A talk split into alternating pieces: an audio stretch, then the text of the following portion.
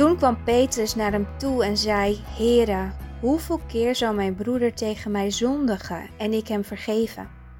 Tot zevenmaal toe? Jezus zei tegen hem: Ik zeg u, niet tot zevenmaal, maar tot zeventig maal zevenmaal. Het zijn grote woorden uit Matthäus 18, vers 21 en 22. Als we denken aan vergeving schenken, dan kan de angst je verlammen.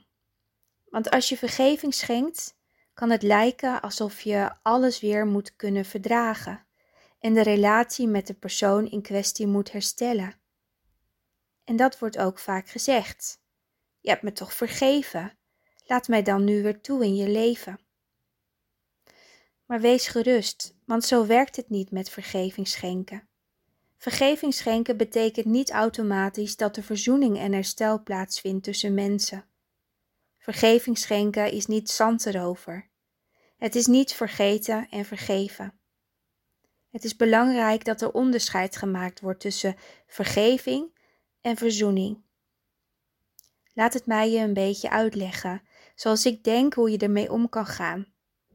Bij vergeving schenken kun jij met de hulp van God de ander vergeven. En door die daad worden jouw ketenen losgemaakt.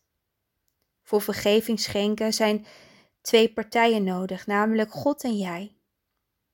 Maar voor verzoening en herstel heb je drie partijen nodig, namelijk God, jezelf en de ander. Die ander moet in staat zijn om jouw cadeau van vergeving goed aan te pakken en er vervolgens zuinig op te zijn. Stel je voor dat de ander jouw pijn niet serieus neemt en zijn verantwoordelijkheid niet neemt. Als hij of zij niet voorzichtig met je omgaat en opnieuw over jouw grens heen gaat, dan hoef je niet te gaan voor herstel. Helaas kan die ander nog niet omgaan met de dingen die zijn gebeurd. En je hoeft jezelf niet opnieuw te laten pijnigen. Op dat moment mag je afstand nemen. En zeg ik tegen je: stel jezelf in veiligheid. Wat doe je wel met vergeving? Je geeft de dader aan God en legt het oordeel over de ander in Gods hand, hoe dat ook uitpakt.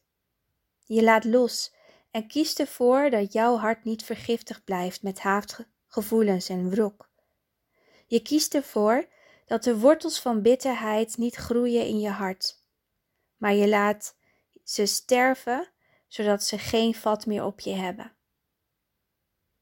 Laat je houding van vergeving niet afhangen van de reactie van de dader. Jij mag de ander loslaten. Jij mag je erkenning vinden bij Jezus Christus. Jij mag de woorden overnemen die Jezus sprak aan het kruis. Vader, vergeef het hun, want ze weten niet wat ze doen. En bij dit alles blijf ik zeggen: wees zuinig op jezelf.